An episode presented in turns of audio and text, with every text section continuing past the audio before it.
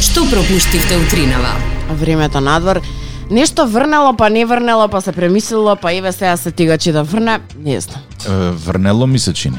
Па и ја ми се чини врнело или евентуално некој ми ја има прскана со шофершајбната со куфа вода. Фалам. Не знам. врнето, врнето е затоа што е, приметив дека имаше некој како се вели тоа, Капки, капки. мокричко. Да, да. Не знам веќе. Веќе не знам, ме збунува тотално времето да знаеш дека е сончево, сончево и готово. Овака треба да излезеш, со тебе да понесеш чадор, па не дај Боже, е, треба да понесеш и чизми резервен пар, е, евентуално чорапин или ако ти се намократ патичињата, па е, јакна, па не мора јакна, не знам. Ова е оној период од годината кога одиш Да, било каде Да, со, со торба, јакни. да. со Или тебе. како мене од 15 мај до 15 октомври е сезона на кратки и тоа е тоа. Па како Ако ти, ти се погоди, е сега Зорке, ако ти студи, ти студи, ама некогаш е поарно да ти студи два дена отколку да носиш еден куп тракаташки со тебе па да се пресоблекуваш. Па ја не би рекла. Од искуство, како мајка, знам дека е порно секогаш да носиш со тебе екстра пар. Ај е, една молба. Роденден и праќајте на Facebook и на Instagram. Ве молам немојте на SMS пораки затоа што ќе се изгубат, потоа ние ќе бидеме криви. Од една страна сакаме да има ред и поредок во државава, од друга страна не може да следиме едни едноставни инструкции кои што гласат родендени само на Facebook и на Instagram. Родендени кои што стигаат на SMS пораки, на Viber, на на сигнал, на WhatsApp, по голу писмоносец нема да бидат земени во предвид. Значи родендените на Facebook и на Instagram, плюс на Facebook имаш опција сам да си закажеш роден ден, има дадени три слободни термини, ако за тој ден нема слободен термин, тоа значи дека термините се е, пополнати. Уште нешто, кога мислиме на Facebook, мислиме на TikTok и Зорка, на таа Facebook фан страна, заради тоа што сите оние родендени кои што ќе одат на друго место, нема да можеме да ги вклучиме во нашиот список за да го разбудиме, односно расониме и изненадиме твојот роденденко. Што значи, многу едноставно, родендени примаме само и само на Facebook и на Instagram, е, на профилите на TikTok и Зорка. 734 е 079 274 037 е телефонскиот број на кој што можеш да се јавиш и да правиме муабет на било што да ти лежи на срце. За разлика од е, професионалци кои што наплаќаат помеѓу 1000 и 1500 денари, ние не наплаќаме ништо, ама е, Можеш нема ни совет да гаранција добиеш. дека тоа што Е, ќе ти го сега. кажеме ќе е, ќе ти помогне. Е, Вчера имаше седница на влада, заклучено е дека мерките за ограничено движење или како веќе политички исправно да ги нарекуваат сега остануваат на сила до 1 е, јуни, а потоа ќе се разгледа можноста да се почне со е, обез, отварање на свадби на на отворено, на мал, укинување на полицискиот час е, итн итн. Во меѓувреме стасуваат вести како владата се активираше за скандалот со мазот, вонредни контроли во неколку институции и ќе се прават анализи за високата смртност од COVID-19 во земја. Сакам да ви кажам, нешто ќе се случува што точно Ќе ви го видиме. знаеме. Ќе го знаеме. да.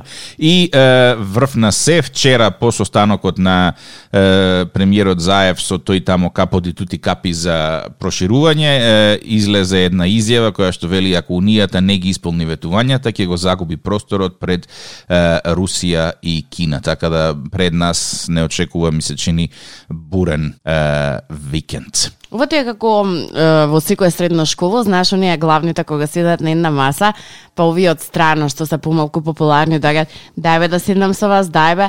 Абе, ако направиш тоа, тој тоа ќе да седнеме со нас на маса. Пове направил тоа, тоа, тоа. Е, сега имаш уште две работи да направиш ако сакаш да седнеш кај нас на маса и он цело време така учебната година помина. И сега овој не толку популарниот вика чекај бе, вие е, си играте со мене, чекај сега ќе го викнам оној големиот брат да ви кажа што треба. Некако така ми личи цела оваа ситуација. Онака е, шпанска серија во амерички тинич филм. Да, Па така мене ми изна-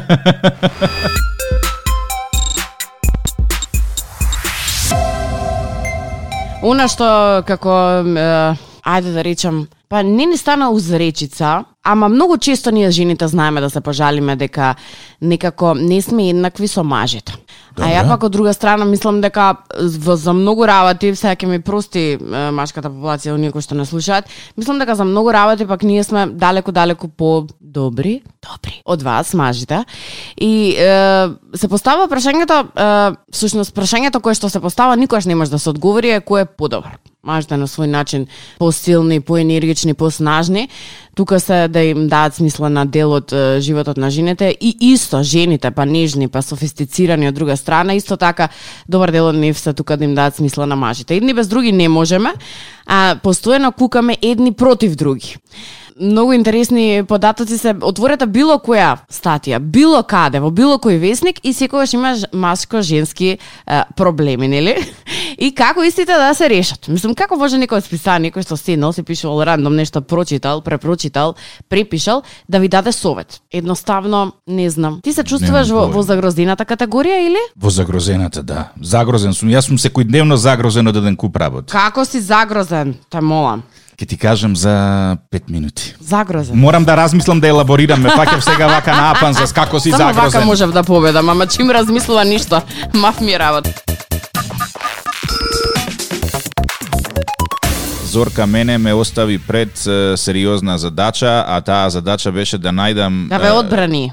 Ахахахахахаха, Зошто така ме направи Зорке? Зашто треба да ги одбраниш мажите? Зошто тоа мажите мислиш дека се е, оние неправедно да речам, што знам, неправедно искошкани, не, не знам како да. Знаеш, е, имам чувство дека секогаш всушност м, многу е, често зборуваме на тема жените вакви, жените такви, жените онакви.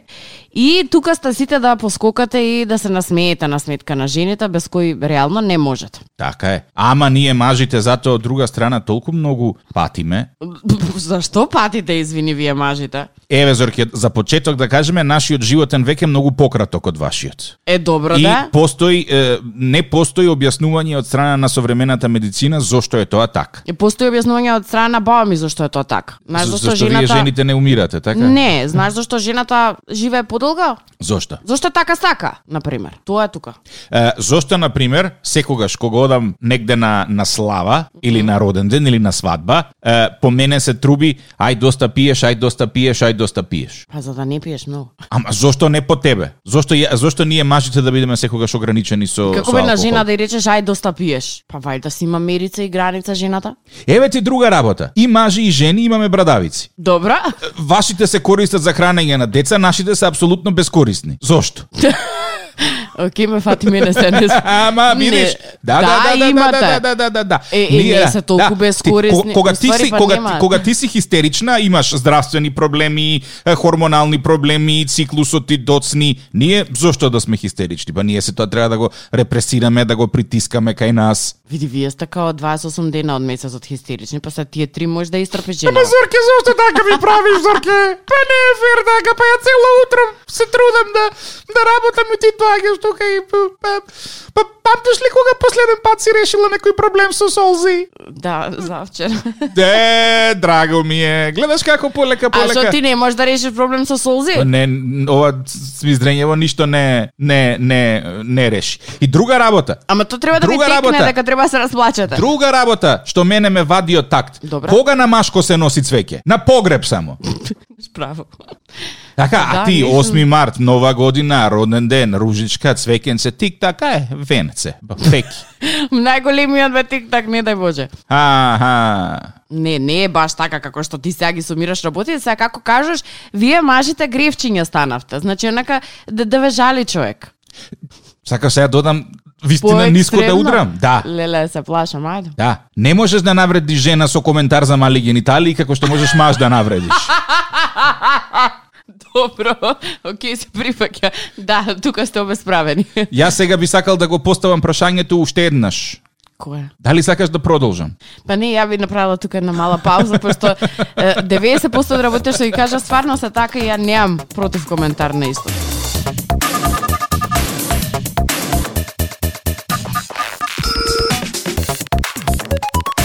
Утринава ме испровоцира Зорка да дадам аргументи зошто е подобро да си е, зошто ние мажите всушност сме во подредена ситуација. А не е така? А, ба, да, а ти со пример тоа практично го докажа утринава и како што само ти искоментира, многу повеќе му прилега на маж да биде вака искапан со кафе отколку на жена, па јас би те замолил да го документираш. Тоа и Што да документирам од кафе Како да се с- накапаш успеа како да се мало... Е, не ислекаш знам. со- со кафе. Последната голтка кафе кафе има тенденција секогаш да заврши на погрешно место, на пример на мојата бела блуза. Еве, ова е зошто не носам бела блуза. Инаку да, некако многу посвојствено е маж да се искапе. Се извинувам. Не е така. Ало, Има многу едноставно објаснување. Зашто? Према цртеши, према кажување и пишување, околу тоа слушаме да му. Како биле покриени гениталиите на првиот наши жена во рајот? како? Солист? Со смоквен лист? Добра. А, па сакаш да кажеш смоквата малецка демек? Не, кажи ми која смоква има само големи листови.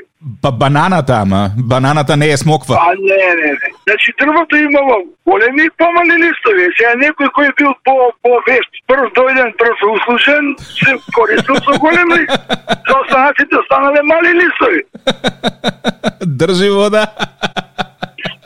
Значи мора да има секакви листови на, на, на дрвото, така и, и, и со гениталиите. Не може да бидат сите од ист, од ист ран. Е, убаво го рече Така и ова. тука доаѓа онаа нашата тревата е позелена кај комшијата.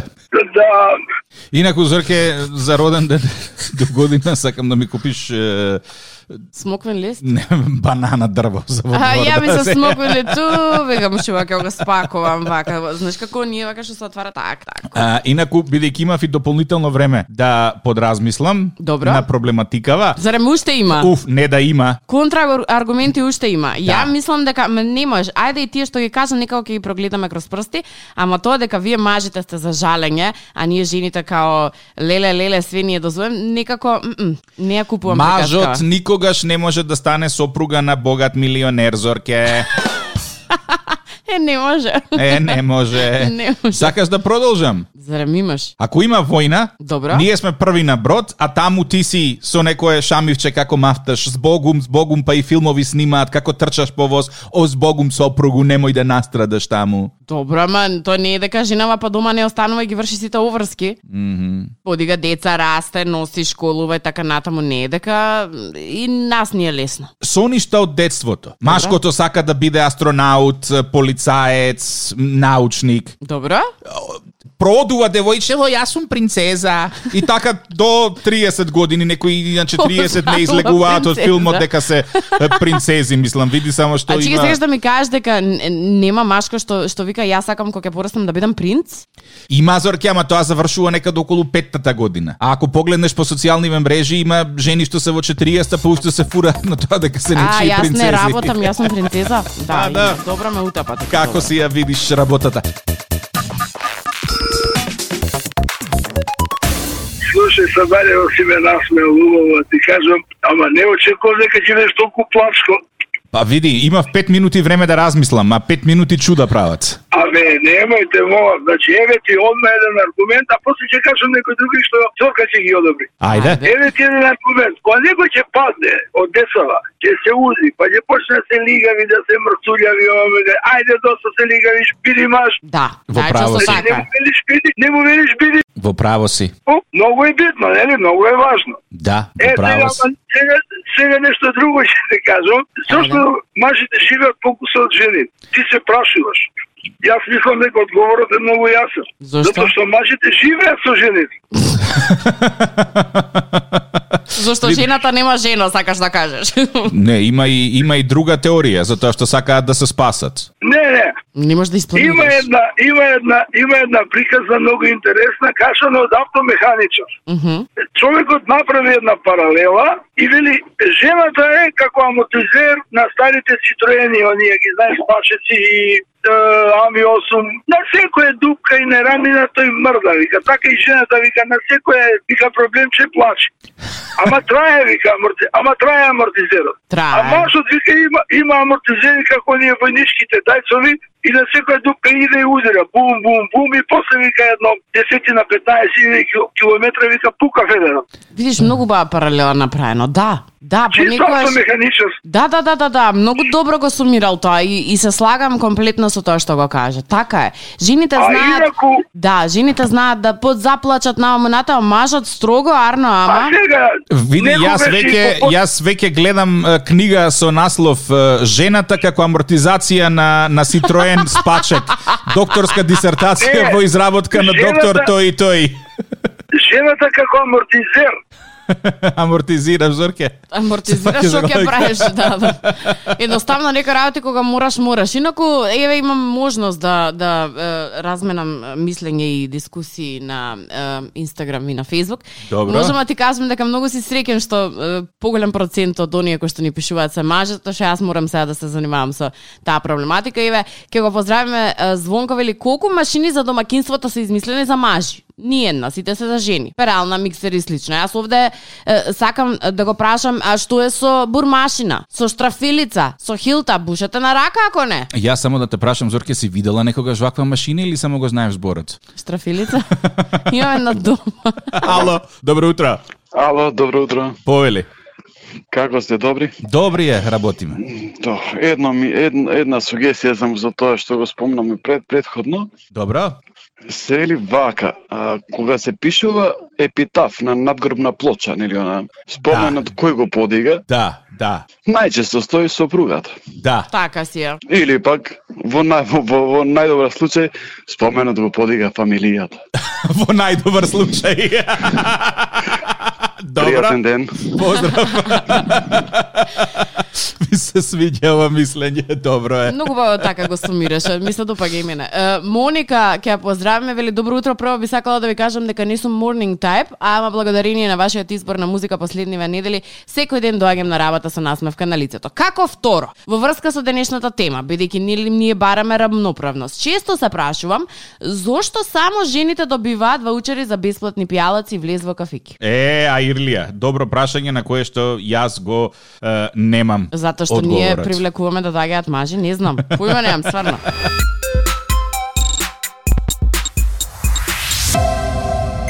се отепа од звонење денеска. Ало, повели. Слушателот што го спомна епитафот и надписите. Добро? Двојца пријатели по некој повод биле на гробиште и гледаа сега по спомениците, одеднаш гледаа слика од некој нивни заеднички пријател, почина. И двајцата чудо невидени, малку така насекирани, бидејќи се генерација и си вели возот оди, патниците еден по еден испаѓаат, може да дојде редот и на нив и го прашуваат гробарот, вели, «Абе, дали бевте присутни човеков кога го погребате? Да, вика, јас го закопувам. Вика, од што почина? А не, не пишува долу на споменикот, вели. Од фамилијата. Не.